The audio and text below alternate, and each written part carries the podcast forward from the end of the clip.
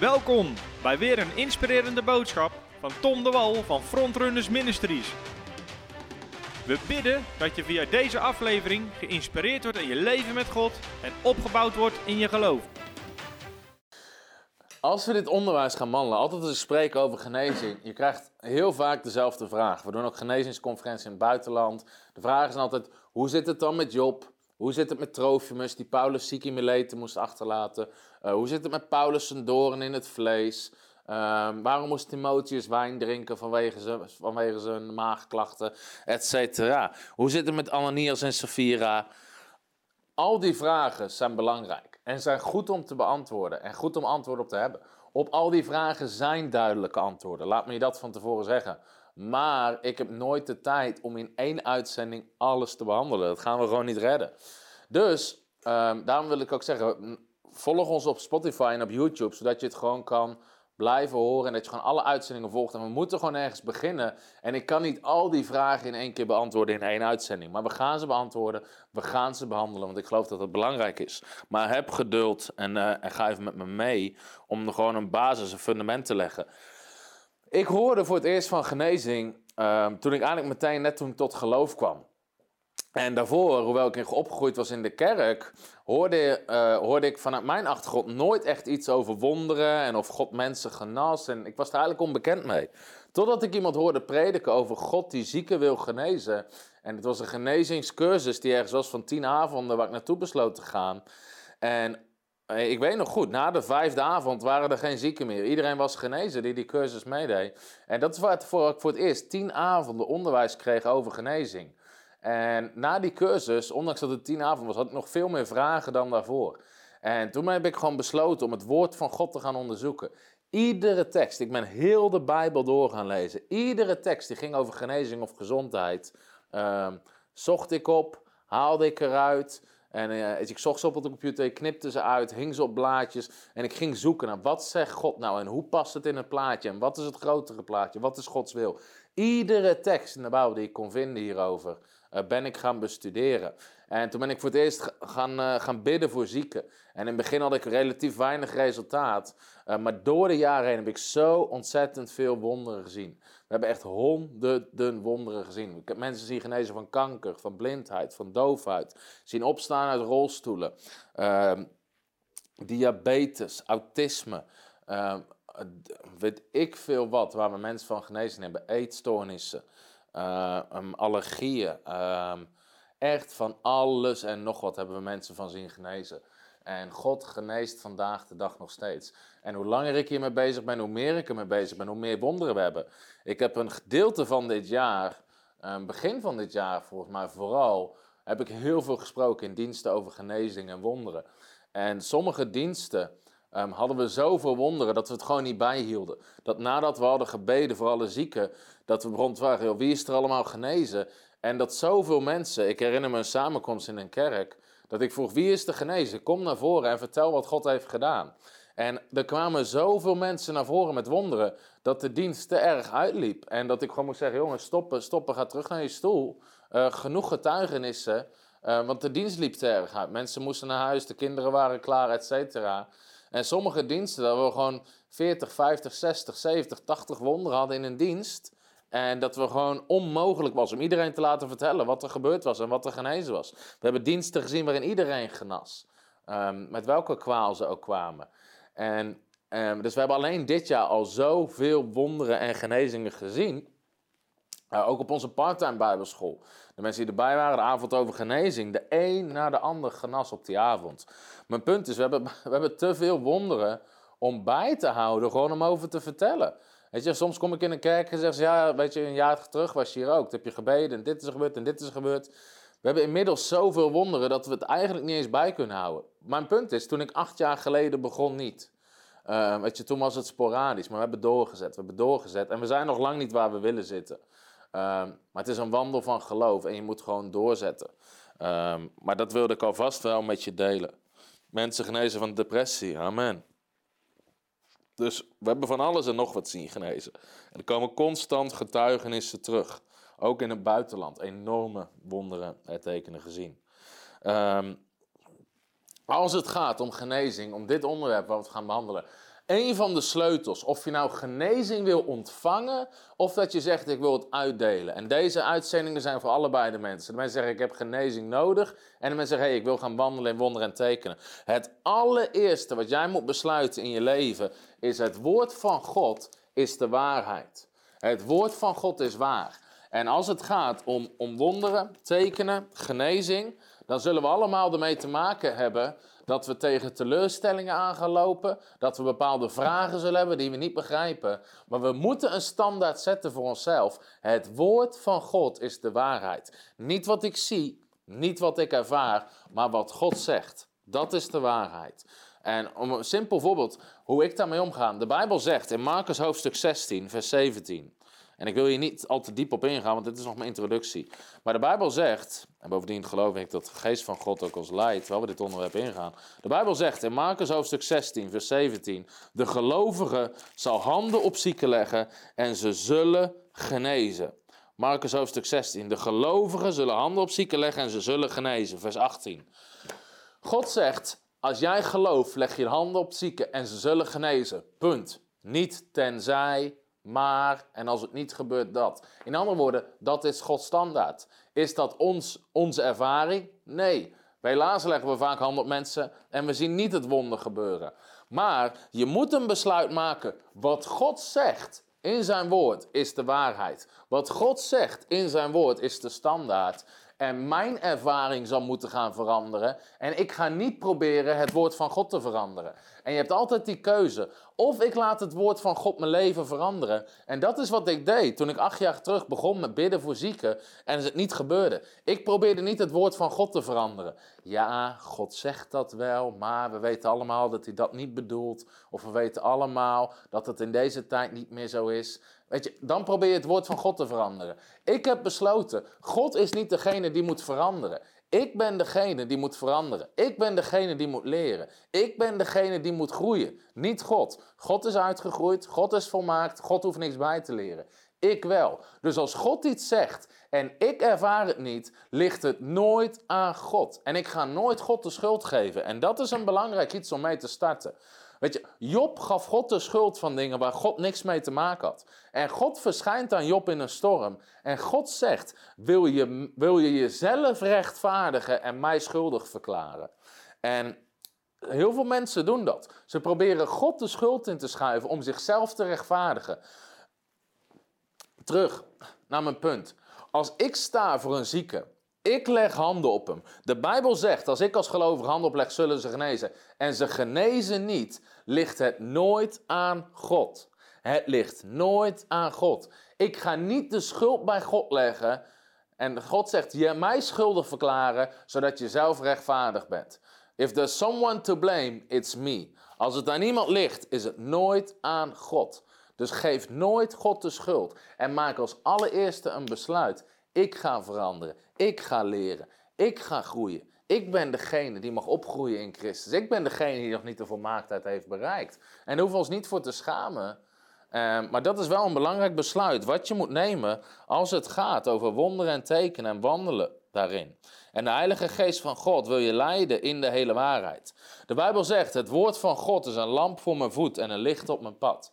Als je wil wandelen in wonderen en tekenen, als je wil wandelen in genezing, of als je genezing nodig hebt, het allereerste besluit en de allereerste sleutel die ik je mee wil geven in deze uitzending is: zet de standaard. Gods woord is de waarheid en niet mijn ervaring. Gods woord is de waarheid en niet mijn ervaring. De Bijbel zegt in 2 Korinthe 5 vers 7, we wandelen door geloof, niet door zicht, niet door wat we zien. Dus je gaat leven op basis van je geloof en je geloofsbezit op wat God zegt en niet op wat je ziet. En dat is de allereerste um, wat, je, wat, je, wat je moet besluiten als het gaat om wandelen in wonderen en tekenen.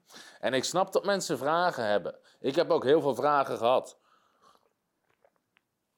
Maar ik heb wel besloten, ik ga nooit die vragen uh, me af laten leiden bij God. Ik ga die vragen altijd gebruiken om dichter bij God te komen, antwoorden te zoeken en Hem te zoeken. En, en dat is een belangrijk besluit om te maken. Als je het daarmee eens bent, dan is een typje amen. Oké, wil God iedereen genezen? Wil God dat iedereen gezond is? Wat zegt de Bijbel over genezing en gezondheid? Nou, voordat ik daaraan ga beginnen, ehm, waarom, waarom begin ik met dit thema? Weet je, er is een heel bekend gezegde en dat zegt: geloof begint waar de wil van God bekend is. Geloof begint waar de wil van God bekend is. Dus voordat jij geloof kan hebben in het algemeen, moet je eerst weten wat de wil van God is. Dus hoe worden we gered? Door geloof. Al zo lief had God de wereld dat hij gaf zijn enige geboren zoon, opdat een ieder die in hem gelooft niet verloren gaat. Opdat een ieder die in hem gelooft niet verloren gaat. Dus het werkt door geloof. God werkt met geloof. Maar hoe kom je aan geloof? Door de wil van God te leren kennen. En sommigen van ons zijn in de kerk opgegroeid, maar anderen zijn niet opgevoed in een christelijk gezin, maar zijn inmiddels wel tot God gekomen. Hoe zijn ze gered? Iemand heeft ze de wil van God verteld. Iemand heeft gezegd: God houdt van je. God heeft een plan voor je leven. God wil je zonde vergeven. God wil een nieuwe start met je maken. Iemand heeft ze de wil van God verteld. En daarna kon er geloof komen en konden ze dat ontvangen. Geloof begint waar de wil van God bekend is. Daarom is deze vraag zo belangrijk. Wil God altijd genezen? Is genezing altijd God wil? Waarom? Je kan geen geloof hebben als je niet 100% overtuigd bent van de wil van God. Dat betekent voor de zieke, het is lastig om geloof te hebben voor je genezing als je twijfelt, wil God mij wel genezen? En dat betekent voor degene die genezing uitdeelt, voor degene die handen op zieken legt of voor de bidder, dat het heel lastig is om genezing uit te delen als je twijfelt, wil God deze persoon wel of niet genezen. Dus daarom gaan we deze uitzending ook doen. Want wat ik in deze uitzendingen vooral wil doen, is het woord van God laten spreken. En je laten zien wat het woord van God zegt over genezing. En we moeten een besluit maken dat we niet langer dubbelhartig zijn. Jacobus spreekt daarover. In Jacobus hoofdstuk 1, daar zegt Jacobus, ehm, als we iets vragen aan God, Jacobus 1, vers 6, dan moeten wij in geloof vragen en daarbij niet twijfelen. Want wie twijfelt lijkt op de golf van de zee die door de wind voortgestuurd op en neer geworden wordt. En zo iemand moet niet denken dat hij iets ontvangen zal van de Heer, want hij is een dubbelhartig man, onstandvastig in al zijn wegen. Nou, dit is een hele radicale tekst waar Jacobus zegt: als we iets vragen aan God, moeten we niet dubbelhartig zijn. We moeten niet twijfelen. En je moet je even voorstellen: ik heb hier geen whiteboard, maar als je een hartje zou tekenen ehm, en dat staat symbool voor jouw hart, daar zegt God. Lambert houdt hier een heel klein whiteboardje omhoog. Oké, we hebben een whiteboard, maar we hebben hier geen stift. Als je een hartje zou tekenen, is dat een permanent marker of een. Uh... Ah, maar dat maakt niet uit, dat doe ik op de achterkant. We gebruiken dat ding toch niet. Hier, kijk, Lambert heeft gewoon. Lambert heeft gewoon voor mij. Dit is helemaal geen whiteboard. Dit is ons, ons ding dat Lambert geluid kan tikken. Dus ik ga nu voor eeuwig live bij Voice of Fate een hartje tekenen om mijn voorbeeld te illustreren met een permanent marker. Oké, laten we zeggen, dit is jouw hart. Ah, hij is goed gelukt, hè? Hij is goed gelukt. Oké, de Bijbel zegt, we moeten niet... Oh, wat viel er vanaf? Er viel een schroefje vanaf. De Bijbel zegt, we moeten niet dubbelhartig zijn in Jacobus hoofdstuk 1. Naar alle vrouwen die kijken, dit is geen liefdesverklaring naar alle vrouwen. Ik ben gewoon een Bijbelvers aan het uitleggen, oké? Jacobus hoofdstuk 1.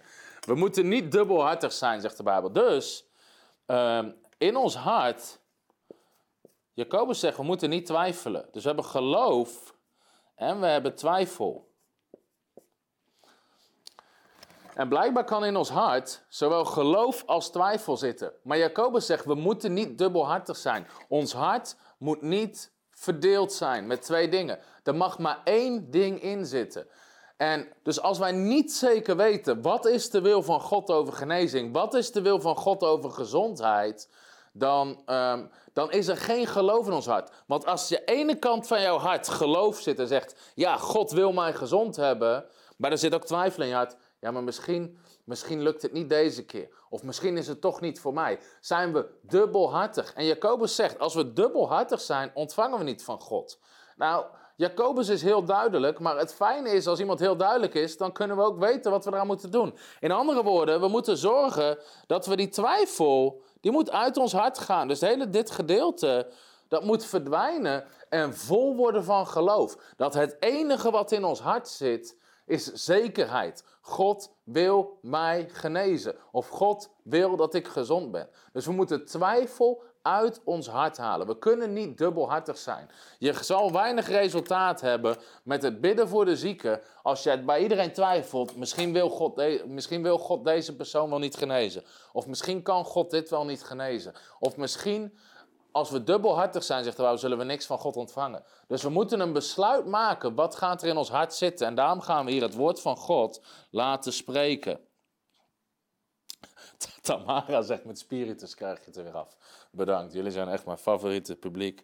Die mij zelfs helpen als ik met een permanent marker op een whiteboard schrijf. Om het er weer af te krijgen. In ieder geval, we moeten dus niet dubbelhartig zijn. We moeten niet dubbelhartig zijn. Dus ik wil met je delen deze uitzending, zover als ik kom. Zie je, als ik met een whiteboard op een, als ik met een marker op een whiteboard ga schrijven, zie je onze views hier omhoog gaan. Oké? Dus dat is interessant. Iedereen denkt, wat is hij nou aan doen? ik wil met je delen vijf manieren of vijf verschillende uh, invalshoeken om de wil van God voor genezing en gezondheid te weten. Vijf verschillende manieren om zeker te weten wat de wil van God is. En dan de vraag: wil God altijd genezen of wil God niet altijd genezen? Nou, de eerste, het eerste wat ik erover wil zeggen. En, nog, en ik geloof dat God altijd wil genezen. Het eerste waar je naar moet kijken is naar de algemene lijn in het woord van God. Wat zegt het woord van God in zijn algemeen, in zijn totaliteit over het onderwerp genezing en gezondheid? En waarom begin ik daarmee? Omdat als je spreekt over genezing, als je spreekt over gezondheid, zeggen mensen altijd van, ja, bijvoorbeeld, hoe zit het met Troof, of hoe zit het met Timotheus, die wijn moest drinken voor zijn zwakke maag? En ik snap dat mensen vragen hebben, maar als we in gaan zoomen op ontzettend kleine stukjes in de Bijbel en ons daar helemaal gaan op focussen, zeggen, hoe kan dat, hoe kan dat, hoe kan dat? Laten we eerst eens gewoon kijken, wat is in het algemeen de wil van God, voordat we in gaan zoomen op specifieke gevallen en waarom het wel of niet gebeurt en bij wie wel of niet. Want dat zegt namelijk niks over de wil van God. En dit is radicaal wat ik zeg, maar in Matthäus hoofdstuk 17 hebben we een verhaal waar de discipelen bidden voor een maanzieke jongen. Dus de discipelen, de apostelen van Jezus zelf. Degene die dichtst bij hem waren, die bidden voor een maanzieke jongen en hij geneest niet. En dan brengen ze hem bij Jezus en bij Jezus geneest hij wel. Wat is de les? Dat ondanks dat iemand misschien niet geneest, het niks zegt over de wil van God. Want die jongen die bij de discipelen niet genazen, die genaast bij Jezus zelf wel. En dus Jezus zegt daar niet van, ja, maar dat komt omdat het niet de wil van God is, laat die jongen maar met rust. Hij zegt, nee, breng hem bij mij, ik zal het voordoen en hij geneest hem. Dus misschien is er voor je gebeden, hebben mensen handen op je gelegd, maar ben je niet genezen. Wees niet teleurgesteld want het zegt namelijk niet dat God jou niet wil genezen. Sommige mensen zeggen, ja, al tien mensen hebben voor mij gebeden, ik ben niet genezen, het is vast niet de wil van God. Nee, dat zegt niks over de wil van God. Het zegt niks over de wil van God. Het zegt dat we nog mogen groeien, dat we nog niet zijn waar we moeten zitten, dat we mogen meer en meer mogen leren van Jezus. Want als Jezus nu voor je zou staan en hij zou handen op je leggen, zou je wel genezen. En dan loop ik wel iets vooruit, maar dat is wel belangrijk. Dus ga niet te veel kijken op individuele situaties, maar kijk eerst naar de algemene lijn in het woord van God. Ja, en een ander ding is hou het simpel. Als je begint met genezing te bestuderen, of als je wil weten wat is de wil van God, hou het simpel. Als je kijkt naar Jezus, hij roept zijn discipelen. En dan geeft hij ze op een gegeven moment in Matthäus hoofdstuk 10, geeft hij ze opdracht. Matthäus 10, daar zendt hij ze voor het eerst uit. En dan zegt Jezus, hij riep zijn twaalf discipelen, gaf hun macht over de onreine geest om die uit te drijven. En om iedere ziekte en elke kwaal te genezen. Jezus gaf zijn discipelen macht om iedere ziekte en elke kwaal te genezen. Iedere ziekte elke kwaal. Matthäus hoofdstuk 10. Iedere ziekte, elke kwaal. Vers 8, hij zegt, en ga op weg, predik het koninkrijk van God is nabij, genees de zieken. Genees de zieken. En dan Matthäus 11, daar staat, Matthäus 11 vers 1, het gebeurde toen Jezus geëindigd had om zijn twaalf discipelen opdrachten te geven. Nou, wat is mijn punt? In Matthäus hoofdstuk 10, Jezus geeft zijn discipelen, en ook wij zijn zijn discipelen, een opdracht. Genees zieken, ik geef je macht over iedere ziekte en elke kwaal. Punt. Jezus gaf ze een opdracht. En de opdracht was heel simpel: genees zieken. En dan, zeggen we, dan zullen wij zeggen: ja, maar dat is helemaal niet simpel, dat is heel moeilijk. Het hangt ervan af hoe moeilijk je het zelf maakt. Want de Bijbel zegt niet, Jezus gaf ze theologie. Jezus gaf ze geen studie over genezing van 300 pagina's. Met allerlei vragen die ze moesten beantwoorden. Hij gaf ze ook geen suggestie. Hij zei niet, joh, als het uitkomt en de wind staat lekker, kijk eens of je een keer voor een zieke kan bidden. Hij gaf ze een opdracht. Jezus' genezingstheologie was heel simpel. Genees zieken.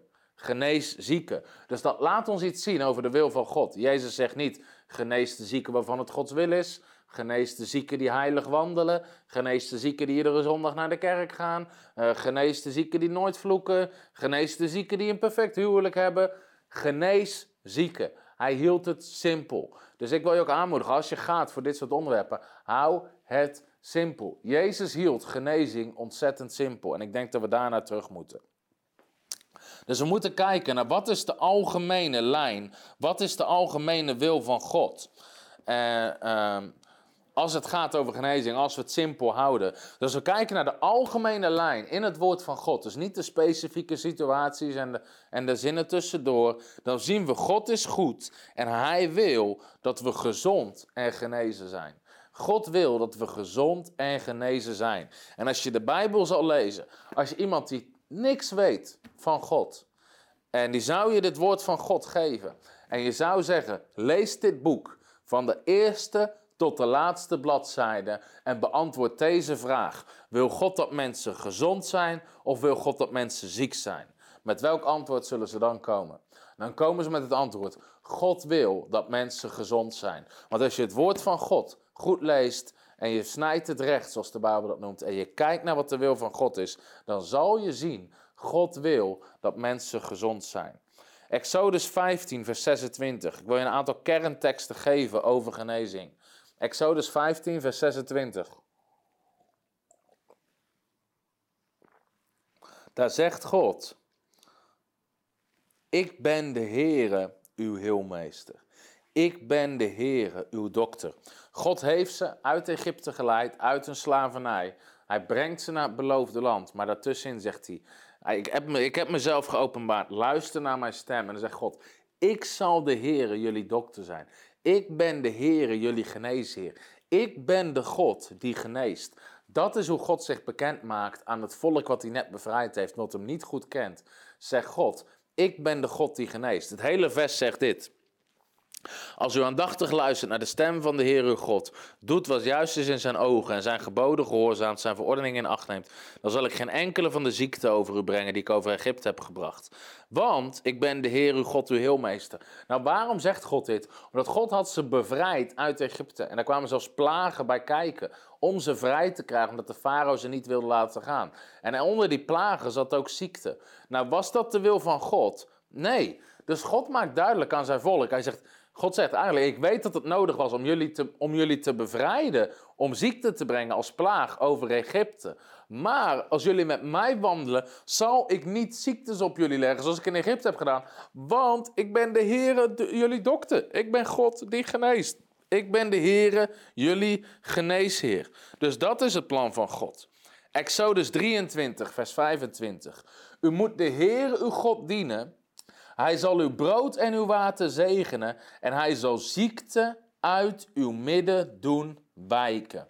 Hij zal ziekte uit uw midden doen wijken.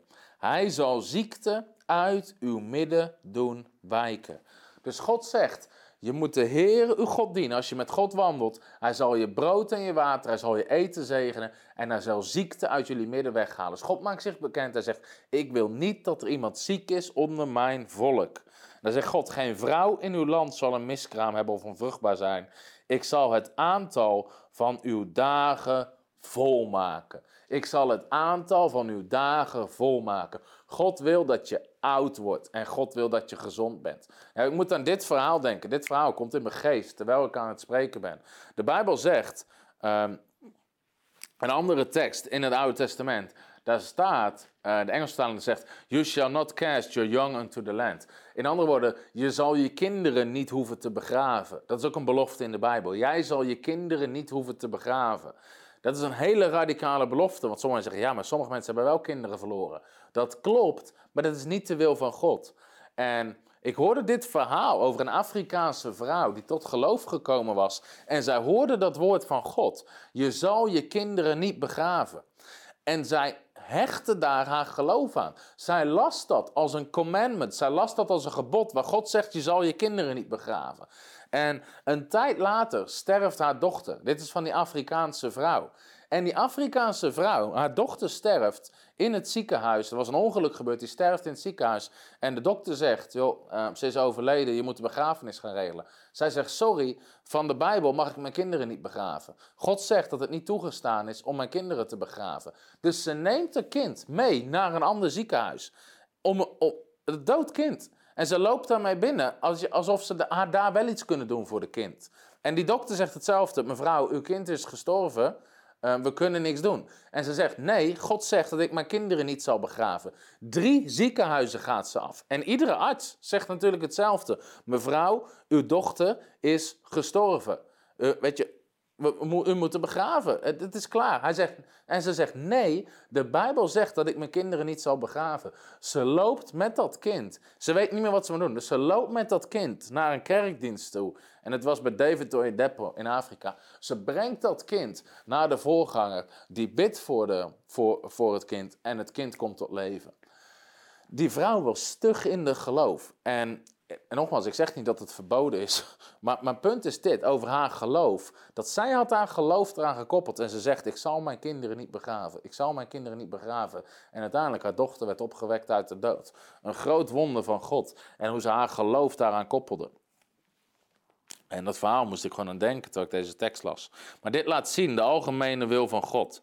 En ik weet niet hoe ver ik voor deze uitzending ga komen, maar we gaan gewoon hier een aantal uitzendingen over uh, aan besteden over de wil van God voor genezing. Ik geloof dat deze uitzending je op kan bouwen om je genees, geloof voor genezing te bouwen. Psalm 103, vers 2. Psalm 103, vers 2.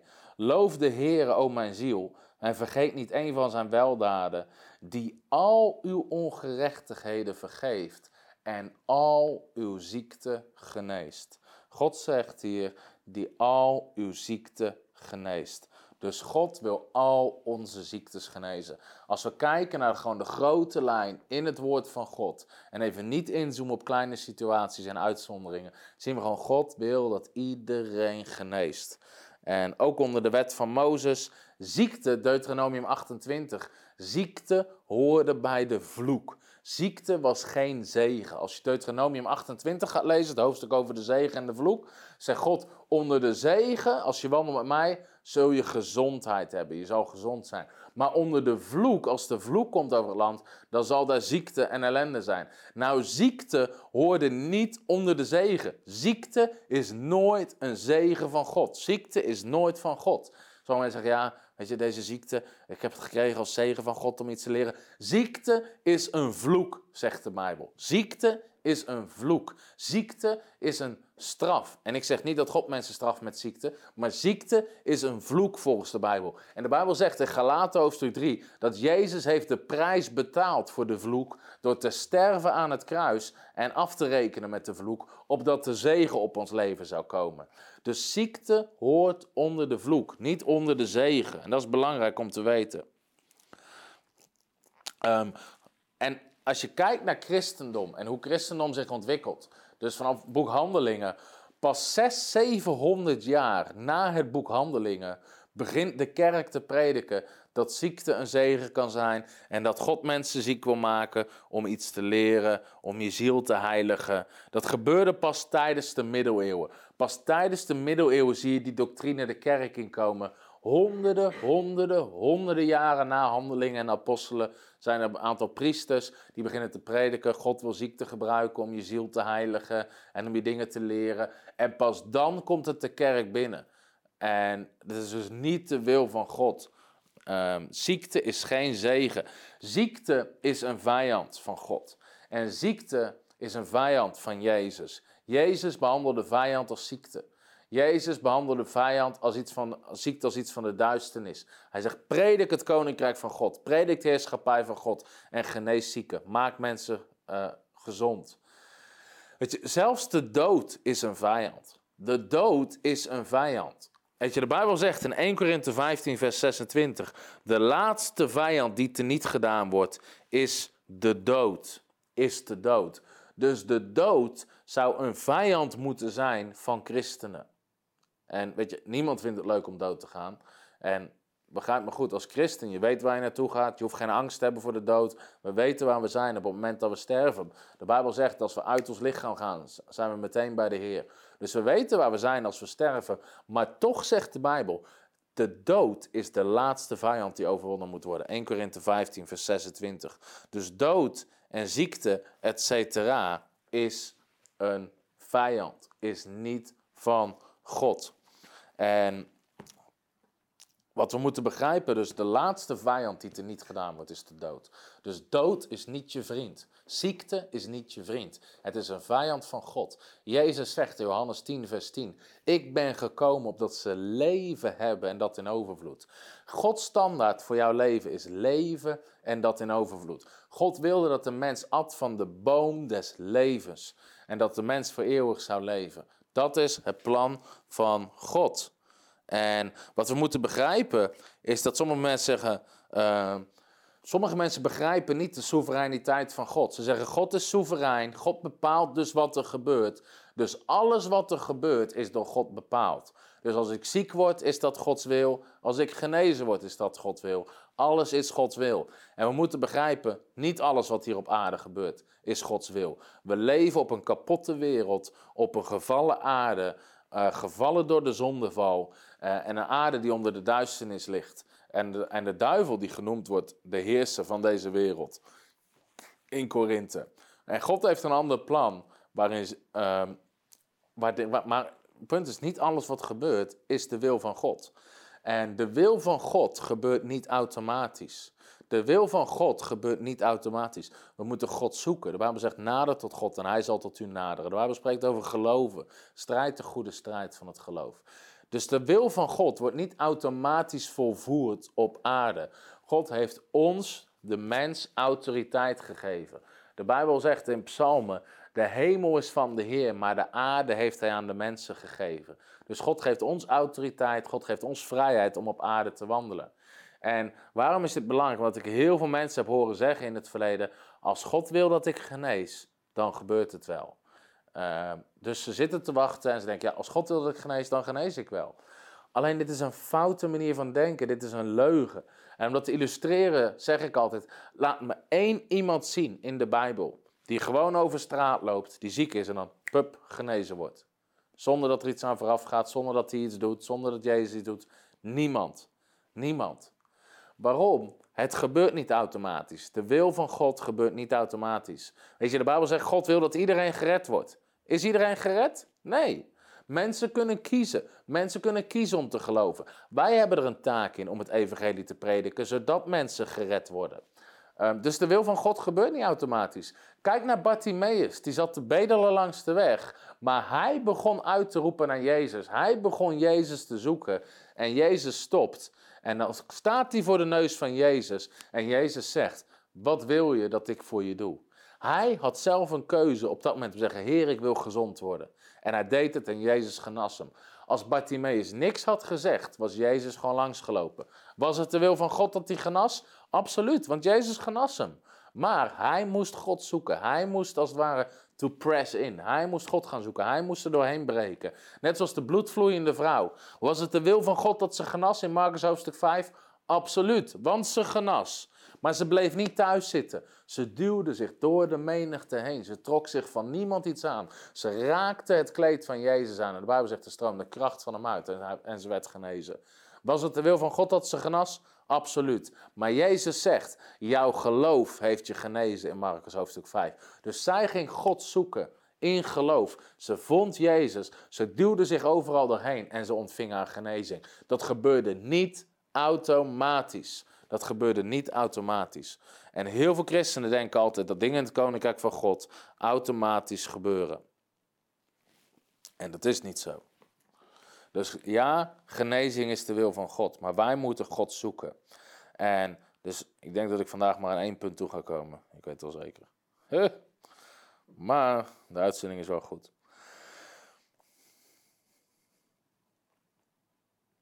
Sommige mensen zeggen, en ik ga er dieper op in, bijvoorbeeld hoe zit het met Job? Of hoe zit het met dit uit het Oude Testament? Hoe zit het dat met, uit het Oude Testament? Voordat ik dieper inga in andere uitzendingen over Job en, en dat soort dingen, wil ik dit zeggen. Um, de Bijbel zegt in Hebreeën hoofdstuk 8, vers 6, um, ehm, dat Jezus is van een beter verbond middelaar, tussenpersoon geworden. En een verbond dat in betere beloftes is vastgelegd. En de Bijbel zegt ook dat in Hebreeën 8 vers 13 dat het oude verbond is voorbij gegaan. Hebreeën 8 vers 6 zegt Jezus is bemiddelaar geworden, is middelaar geworden. Jezus kwam naar de aarde als bemiddelaar tussen God en mensen. Hij heeft een beter verbond bevestigd met betere beloftes. En sommigen zeggen, ja, hoe zit het met Job? Hoe zit het met het Oude Testament? Stop ermee. Hoe zit het met Jezus? Dat is de vraag. Wat heeft Jezus gedaan op aarde? Waarvoor kwam hij naar de aarde? Dat is een beter verbond, het nieuwe verbond. Het Nieuwe Testament, de tijd waarin Jezus kwam, is een beter verbond. Nieuwe Testament, beter verbond met betere beloftes. Dat betekent dat je niet meer hoeft te kijken naar het Oude Testament, wat God belooft onder het Oude Testament, want we hebben een nieuw verbond met betere beloftes dan het Oude Testament. Stop met hoe zit het met Job? Hoe zit het met Jezus? Toen Job leefde was Jezus er niet. Toen Job leefde was Jezus niet gestorven aan het kruis. Toen Job leefde waren onze zonden niet vergeven, was de duivel niet verslagen, had Jezus de prijs niet betaald voor genezing. Hij had geen heilige geest. Hij had geen verbond met God. Wij leven in een nieuw verbond met betere beloftes. En we moeten stoppen met kijken naar het oude verbond. Zoveel christenen willen blijven hangen in het oude. Hoe zit het met Job? Hoe zat het met de farao in Egypte? Hoe zat het met dit? Hoe zat het met dit uit Numeri? Hoe zat het met dit uit Leviticus? Maar de Bijbel zegt in... En dan noemen ze weer een of ander boek op uit het Oude Testament. En weet je, het Oude Testament is het woord van God. Maar we hebben een nieuw verbond met betere beloftes. Dus je kan niet zeggen van hoe zit het met Job als we niet de vraag beantwoord hebben hoe zit het met Jezus en wat is de wil van God en wat, is, en wat, wat zien we in het leven van Jezus. Dus het is hetzelfde als dat ik een, een, een oude auto had zonder airconditioning, zonder navigatie, uh, zonder elektrische ramen, zonder stoelverwarming, zonder trekhaak. Uh, weet ik veel wat er allemaal nog meer op zit, wat optioneel is. Maar nu heb ik een nieuwe auto. Die oude auto is gesloopt, maar ik zit nog steeds in mijn nieuwe auto. Uh, ja, hoe zit het ook alweer met die oude auto? We hadden eigenlijk helemaal geen trekhaak. Hoe moet dat nu? Terwijl je in een nieuwe auto zit, waar een trekhaak achter zit. Dat je nog steeds in je nieuwe auto zit. En zegt, ja, maar hoe moeten we nu, hoe moeten we nu op onze bestemming komen? Uh, die oude auto, die had helemaal geen navigatie. Terwijl je in een nieuwe auto zit, met navigatie. Weet je, hoe, moet het nou met, met uh, moet, ik, moet ik een koude kont hebben? Weet je, de oude auto heeft helemaal geen stoelverwarming. Je zit in een nieuwe auto met stoelverwarming. Stop met kijken naar het oude. Hebreeën zegt het oude is voorbij gegaan. Het is verloren gegaan, maar er is een nieuw verbond gekomen met een betere middelaar, met een betere beloftes dan het Oude Testament. Dus en ik zet het even heel radicaal neer, omdat heel veel christenen, ze zitten in theorie in een nieuwe auto, maar ze pakken alleen maar, ze kijken alleen maar terug naar die oude auto en ze vragen zich af, hoe moet ik een kar erachter hangen? Want we hebben geen trekhaak, terwijl onder die nieuwe auto al lang een trekhaak zit. Weet je, we kunnen niet blijven kijken naar het oude en verwachten het nieuwe te ontvangen. We moeten begrijpen wat het verschil is uh, uh, tussen het oude en het nieuwe verbond. Dus we hebben een nieuw verbond. Daniel zegt, leg even uit dat het niet alleen aan de zieken ligt. Daniel zit bij ons op Bijbelschool, dus hij kent ons onderwijs. Um, klopt, de verhalen van Bartimaeus en de bloedvloeiende vrouw, daar worden ze genezen door hun geloof. Um, en ik ga een andere uitzending uitleggen hoe dat zit met geloof en wie heeft er geloof nodig en wat als het niet gebeurt, aan wie ligt het dan? Ehm, dus daar ga ik in andere uitzendingen wel op terugkomen. Ehm, want hoe, ik ga er een aparte uitzending over doen. Wat, waar ligt het aan, of aan wie ligt het als iemand niet geneest? Um, daar gaan we inderdaad op terugkomen.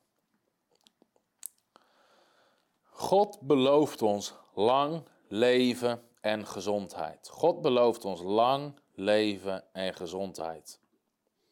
En ik wil je uitnodigen om dat na te zeggen. God belooft mij lang leven en gezondheid. En de Bijbel zegt dat we ons denken moeten vernieuwen. Weet je, er zit kracht in het woord van God. En heel veel christenen leven eigenlijk in angst. En ze vragen zich af, weet je, zal ik wel oud worden? Hoe oud zal ik worden? Ga ik mijn kleinkinderen zien opgroeien? In plaats van dat soort dingen zich af te vragen, de Bijbel noemt dat zorgen maken en is verboden. Ga het woord van God spreken. En je staat op en je zegt, Heer, dank u wel dat u mij gezondheid belooft en hoge ouderdom. En ik ga je dat straks laten zien. En dan ga je je denken vernieuwen. Dat is wat de Bijbel noemt je denken vernieuwen. Je gaat anders denken. Je gaat je denken vernieuwen. En de Bijbel zegt in Psalm 91, vers 16: Ik zal hem met lengte van dagen verzadigen. God wil jou met lengte van dagen verzadigen. God wil dat je oud wordt, dat je leven verzadigd is, dat je lengte van dagen hebt. Het is niet het plan van God dat je jong sterft. Nooit. Niet, nooit. En dat je de kerk moet ophouden, soms om dit soort. Weet je, ik herinner dit uit mijn eigen leven, dat toen ik tiener was. En heel triest, maar ehm, ik ging naar een tienerwerk van een andere kerk in een ander dorp. Dat was een heel mooi, heel leuk tienerwerk. En, en onverwacht, een van, de, uh, van mijn tienerleiders, een jonge kerel, uh, die overleed door een ongeluk. En hij overleed in dat ongeluk. En ik weet nog dat ik naar de. Weet je, iedereen was verslagen, heel de tienergroep was verslagen. En uh, ik keek naar de rouwkaart. En op de rouwkaart stond een gedicht over God keek vanuit de hemel naar zijn tuin met bloemen, iets in die trend. En hij keek naar beneden en hij plukte de mooiste. Mensen, het is kots. Het is kots. Alsof God naar beneden kijkt, naar de aarde, alsof een tuin met bloemen. En zo die jongen hup eruit pakt, omdat hij de mooiste bloemen wil hebben. Door dat soort dingen willen mensen niks met God te maken hebben. Die jongen overleed in zijn twintige jaren. Terwijl God zegt, ik wil dat je oud wordt. Ik wil met lengte van dagen verzadigen. God heeft die jongen niet geplukt. De Bijbel noemt de duivel een mensenmoordenaar vanaf het begin. De Bijbel noemt de dood een vijand. Jezus zegt, ik ben gekomen dat je leven hebt en dat in overvloed. Wat die jongen daar had, was geen leven in overvloed. Hij stierf te jong. Hij stierf veel te jong. En het heeft niks te maken met God die naar beneden kijkt en de mooiste bloem uit zijn tuin plukt. Het heeft te maken met dat de duivel een dief is, een mensenmoordenaar is en mensen kapot wil maken. Het heeft niks te maken met God. Want God zegt in Psalm 91, ik wil je met lengte van dagen verzadigen. Deuteronomium 5, vers 33. Heel de weg die de Heer uw God u geboden heeft, moet u gaan, opdat u leeft en het u goed gaat. En uw dagen verlengt in het land. Het uw dagen verlengt. Exodus 23, vers 26. Ik zal uw dagen volmaken, zegt God. Ik zal uw dagen volmaken. Nou, laat me iets vertellen. 20, 30, 40, 50, 60, 70 is niet je dagen volmaken. God heeft een andere standaard. En ik zet het expres radicaal neer, omdat bijna niemand hierover preekt. Omdat we bang zijn, omdat we allemaal mensen kennen die te vroeg overlijden zijn. Ik ook. Maar het is niet het plan van God. En daarom moeten we dat preken, dat we daar tegenop gaan staan. Dat we tegen mensen zeggen, hé, hey, het is niet het plan van God dat je sterft op jonge leeftijd. Deuteronomium 11, vers 9. U zult lang leven in het land dat de Heer uw God u beloofd heeft. Weet je, alles wat niet lang is, is niet het plan van God. U zult lang leven in het land dat de Heer uw God beloofd heeft.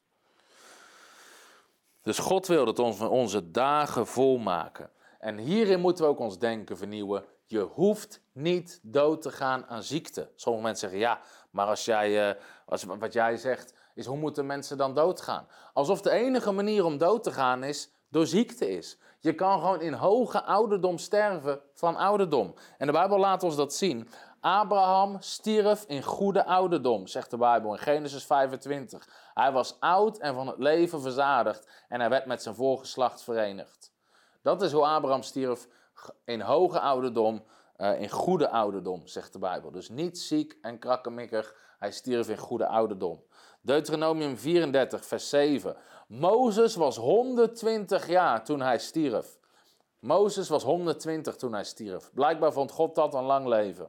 Zijn ogen waren niet dof geworden en zijn kracht was hem niet vervlogen. Toen Mozes stierf, kon hij scherp zien en zijn lichaam was sterk. En toen haalde God hem naar huis. Jozua 34, vers 10.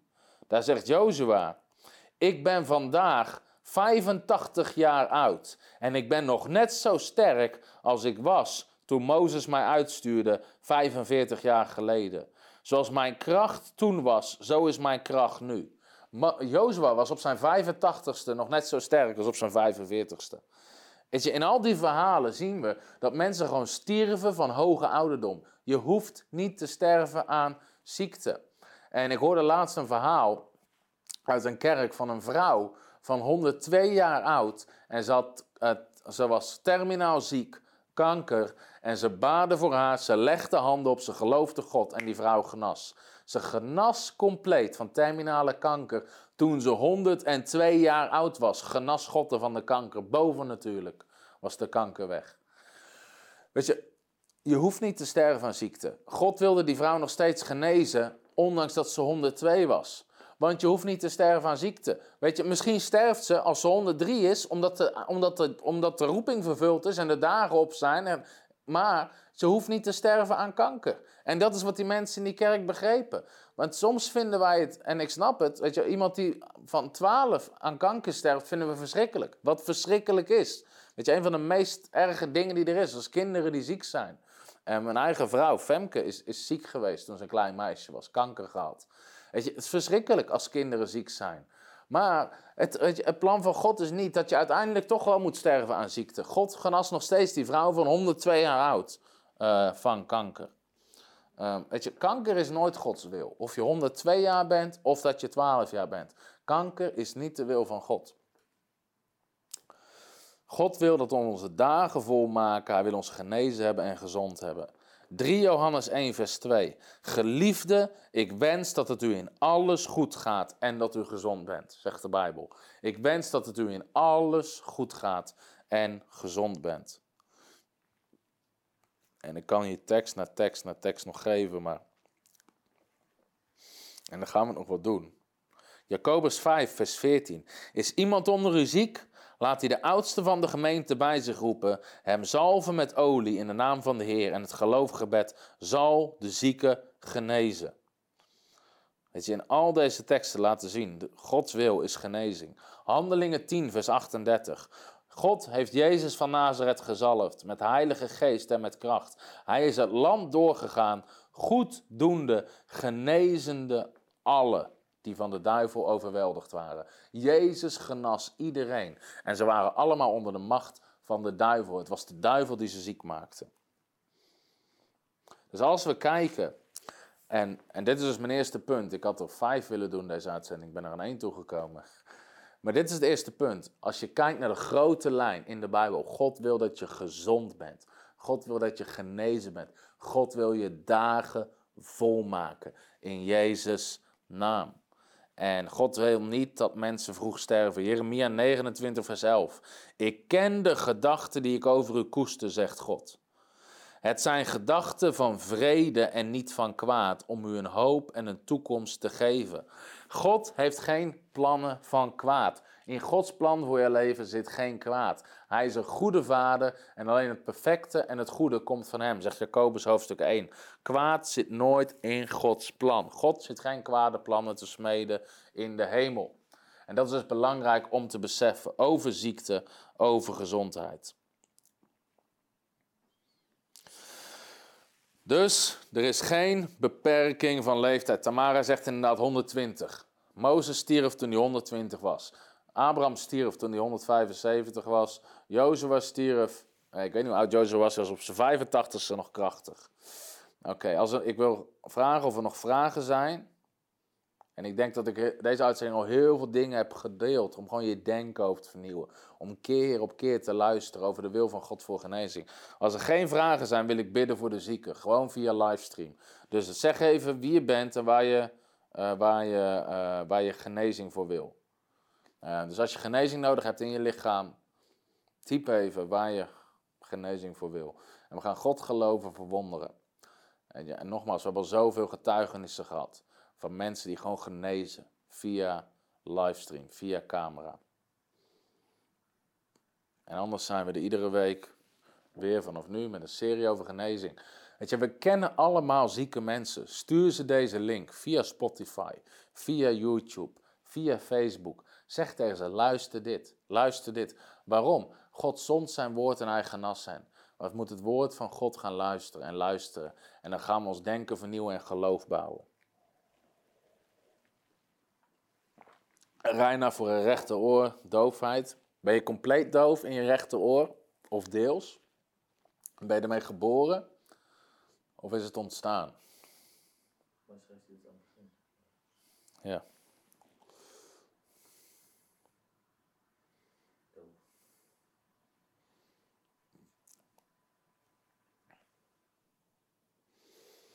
Amen, Daniel. We staan met jullie voor jullie kinderen.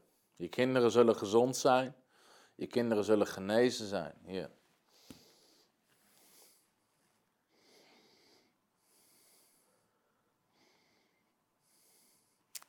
Deuteronomie 11, vers 21. Dan zullen u en uw kinderen lang mogen, lang mogen wonen in het land dat de Heer uw God u beloofd heeft. De Heer is onze heelmeester. Deels is aangeboren, kwam achter negen maanden oud. Hey, Guido zegt, wil je bidden voor genezing van slaapapneu? We hebben laatst iemand op onze bijbelschool gehad die daarvan genezen is. Oké, voor die drie dringen gaan we nu het woord van God uitspreken. Ik wil je vragen om je handen op jezelf te leggen als punt van contact. Dus leg je handen op je oor of op waar dan ook. Ook als je deze video achteraf niet live terugkijkt. Leg je handen op de plek waar je genezing nodig hebt. En op dit moment, in de naam van Jezus Christus, gebied ik genezing om te komen door deze uitzending heen. Dat de kracht van God je aanraakt. Ziekte, wijk. Laat los van mensen. Wees gezond. Wees genezen. Pijn, ga weg. Doofheid, wijk en laat los uit dat rechteroor. Ik gebied je oren open te gaan op dit moment. En je zal scherp kunnen horen in de naam van Jezus Christus. Doofheid laat er los. Ik gebied die slaapapneu om te wijken. Laat Guido los op dit moment in Jezus' naam. En ik zet je er vrij van. In de naam van Jezus. De kracht van God op dit moment. En ook over de kinderen van Daniel en Tamara. In de naam van Jezus. Dat je hele gezin gezond zal zijn dat hun denken genezen zal zijn. En iedere stoornis van ze wijkt in de naam van Jezus. Laat ze los. In Jezus' naam. Hey Stefan, we staan in geloof voor je, Stefan. Op dit moment gebied ik je nieren om gezond te worden en te werken in de naam van Jezus Christus. Nieren komt tot leven op dit moment. Accepteer zijn lichaam. Wees gezond in Jezus' naam. Ik bestraf de duivel en die aanval. Iedere geest die je aanvalt en ziek maakt, laat hem los in Jezus' naam. Je zal gezond zijn, compleet, in de naam van Jezus Christus. Voor, voor de gewrichten van Adriaan. In de naam van Jezus. Fibromyalgie, ik bestraf je in Jezus' naam. Ik gebied die geest van pijn op dit moment van je los te laten en te wijken. Dat al je gewrichten op dit moment aangeraakt worden, gezond worden en genezen worden in de naam van Jezus. Heer, ik bid ook voor iedereen die dit achteraf kijkt, die dit achteraf luistert. Op dit moment leg, leg je hand op je plek waar je genezing nodig hebt. Elke ziekte wijkt, elke last laat los. Elke pijn laat los in Jezus' naam. Ik gebied je te gaan en nooit meer terug te komen. In de naam van Jezus Christus. Amen.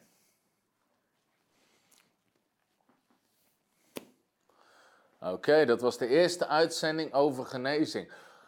Laat het ons weten wat God doet. Stuur ons een mail, um, vul het contactformulier in, reageer onder de video. Nogmaals, we hebben al zoveel reacties gehad, maar het bouwt ook ons geloof en het is bemoedigend om te horen wat God doet. En we geloven God voor wonderen. Hij is de God van wonderen. Hij is de God die geneest. En hij wil dat je gezond bent. En we staan met je. En dat was de uitzending voor deze week. En ehm, als je nog geen partner bent van ons, Lambert zal zo nog even een filmpje laten zien aan het einde. Die hebben we denk ik hè. Uh, maar als je partner wordt, we hebben een speciale actie. Als je ons maandelijks wil helpen met onze stichting. Weet je, we hebben net weer iemand aangenomen. We willen gewoon stappen zetten in het koninkrijk. Zegt, hey, ik wil jullie steunen. Ik wil helpen om deze boodschap te verspreiden. Ik wil jullie helpen om nog meer mensen te bereiken en toe te rusten. Weet je, ik steun op maandelijke basis. Weet je, dat is partnerschap. Jij helpt ons, wij helpen jou. Alles wat we nieuw uitbrengen, alle onderwijsproducten, stuur ik gratis naar je op. Mijn boek over tongentaal, uh, mijn boek over financieel partnerschap, het onderwijs wat we hebben over voorziening, opwekking, geloof, uh, genezing, maar deze is uitverkocht. En alles wat we nog uit gaan brengen, de nieuwe boeken die gaan komen, ons magazine, worship CD, alles sturen we naar je op.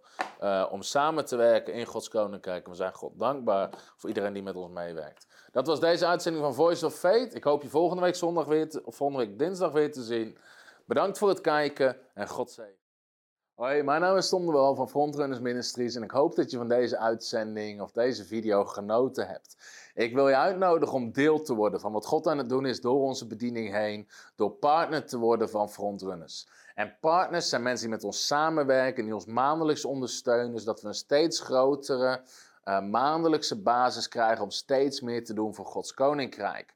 Momenteel hebben we een part-time bijbelschool, een online bijbelschool. En we zijn nog een paar bijbelscholen aan het opzetten. We hebben deze videostudio met uitzendingen. We reizen de hele wereld over om mensen te vertellen over Jezus en ze toe te rusten voor het Koninkrijk van God. Uh, we doen campagnes, we spreken meer dan 300 keer per jaar. We schrijven boeken en producten. En we zijn hard bezig om mensen te bereiken en toe te rusten voor Gods Koninkrijk. Jij kan daar deel aan hebben door partner te worden, ons mee te helpen op maandelijkse basis. En we hebben verschillende groepen partners. We hebben mensen die gewoon partner worden. Vanaf 15 euro in de maand sturen we je de producten toe die ik uitbreng. Dus je krijgt je gratis thuis gestuurd nieuwe producten, zoals mijn boeken. En ik ben weer bezig om er een paar te schrijven. En dat zijn mensen die tot en met 82 euro in de maand uh, geven. Dus van 1 tot 82 euro ben je partner. Vanaf 15 euro krijg je alles gratis. En we hebben een speciale nieuwe groep die we gestart zijn. Dat zijn de uh, eh, 1K plus partners. Dat zijn mensen die zich op toeleggen om 1000 euro of meer per jaar te doneren. En dat hebben we gedaan om mensen te helpen om een doel voor zichzelf te zetten om in het koninkrijk te investeren. Want Jezus zegt waar je schat is, daar zal ook je hart zijn. En 1000 euro klinkt misschien heel erg veel, maar het gaat om 83 euro per maand. En dus misschien als God dat op je hart legt om daarin mee te helpen. We zijn daar ook een basis van aan het bouwen, mensen die dat willen doen. En misschien wil je geven vanuit je zakelijke onderneming. En dan kan je ook business partner worden. En business partners zijn mensen die 250 euro of meer per maand geven. En als business partner krijg je ook weer toegang tot allerlei andere vormen uh, van onderwijs. Wat we hebben speciaal voor ondernemers in onze ondernemersschool. En voor die informatie moet je even op onze website kijken.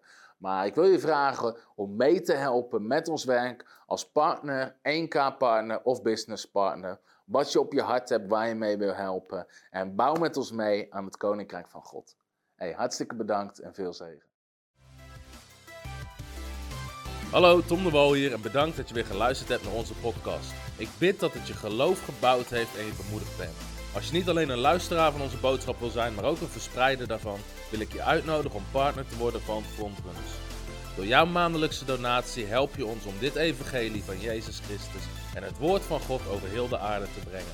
Om partner te worden, ga naar www.frontrunnersministries.nl slash partners en word partner. Hartelijk bedankt en tot snel. Heb je ook zo genoten van deze inspirerende boodschap van Tom de Wal? Abonneer je dan op deze podcast. Volg ons op Facebook en op Instagram en kijk op onze website frontrunnersministries.nl.